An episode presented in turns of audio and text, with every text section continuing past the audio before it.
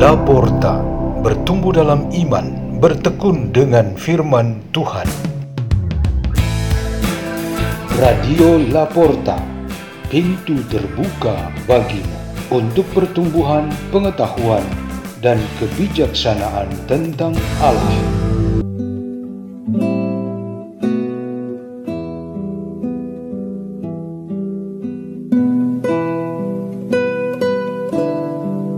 Bacaan dan Renungan Sabda Tuhan Hari Jumat Pekan keempat Paskah 13 Mei 2022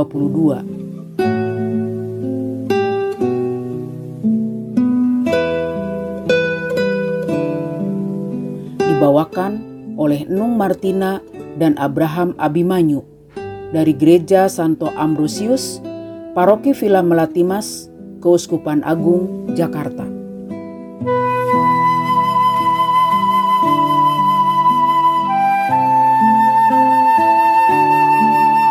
Inilah Injil suci menurut Yohanes 14 ayat 1 sampai 6. Dalam amanat perpisahannya, Yesus berkata kepada murid-muridnya, "Janganlah gelisah hatimu, percayalah kepada Allah.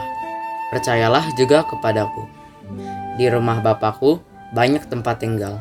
Jika tidak demikian, tentu aku mengatakannya kepadamu.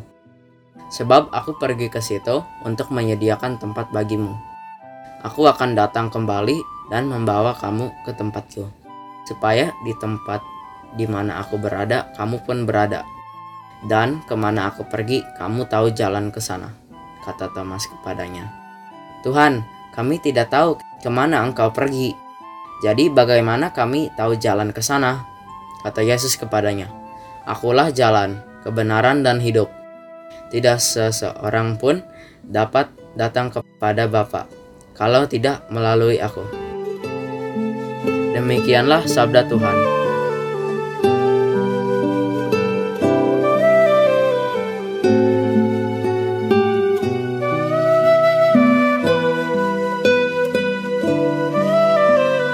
Tema renungan kita pada hari ini adalah Gembala membuat kita nyaman dan betah.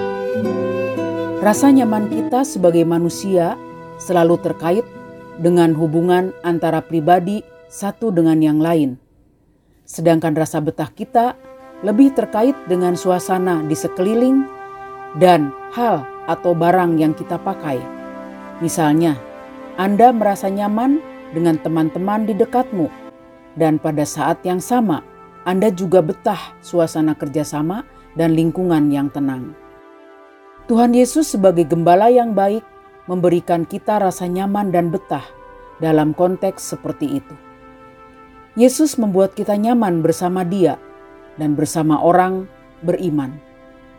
Yesus membuat kita betah berada di dalam rumahnya, yaitu gereja, juga dengan semua pengajaran dan perintahnya. Ungkapan yang sangat pas untuk ini adalah yang dikatakan Yesus pada hari ini. Jangan gelisah hatimu, Percayalah kepada Allah, percayalah kepadaku. Bersama Bapakku dan aku, semua pasti menjadi betah. Tetapi tidak semua sepakat tentang menjadi nyaman dan betah dalam Kristus. Selalu ada orang yang tak langsung paham. Bisa juga ada interpretasi yang berbeda. Misalnya, Rasul Thomas bertanya, "Tunjukkan seperti apa caranya?" Lalu Yesus dengan sangat meyakinkan berkata, Aku adalah jalan, kebenaran, dan kehidupan. Penegasan ini sudah cukup pas untuk mengatasi keraguan itu. Yesus memberikan kuasa kepada para pelayan gereja untuk menjamin rasa nyaman dan betah bagi setiap umat Allah. Seperti Petrus, Santo Paulus, juga berdiri pada level otoritas pengajaran yang sama. Berkhotbah tentang semua kebenaran dalam Yesus Kristus. Ini sungguh memperkirakan rasa nyaman dan betah bagi semua pendengarnya, terutama kaum non-Yahudi yang kafir, yang sangat kritis dan skeptis. mereka bisa menerima pengajaran Paulus dan akhirnya memilih untuk menjadi pengikut Kristus. Lalu, pertanyaannya ialah, siapakah yang paling bertanggung jawab dengan rasa nyaman dan betah itu?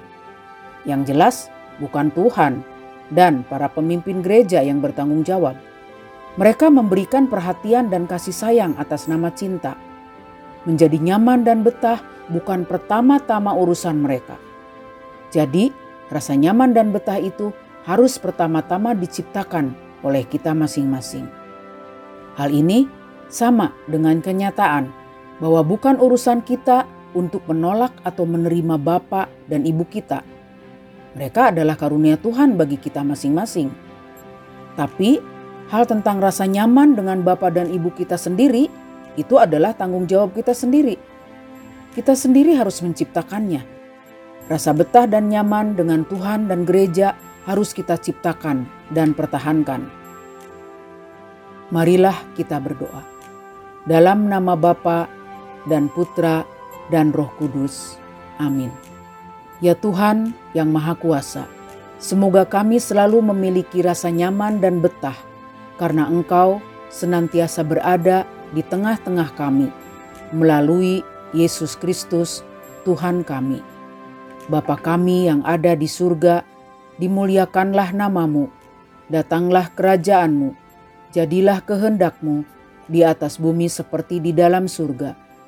Berilah kami rejeki pada hari ini, dan ampunilah kesalahan kami, seperti kami pun mengampuni yang bersalah kepada kami. Dan janganlah masukkan kami ke dalam pencobaan, tetapi bebaskanlah kami dari yang jahat. Amin. Dalam nama Bapa dan Putra dan Roh Kudus. Amin. Radio Laporta, pintu terbuka bagimu.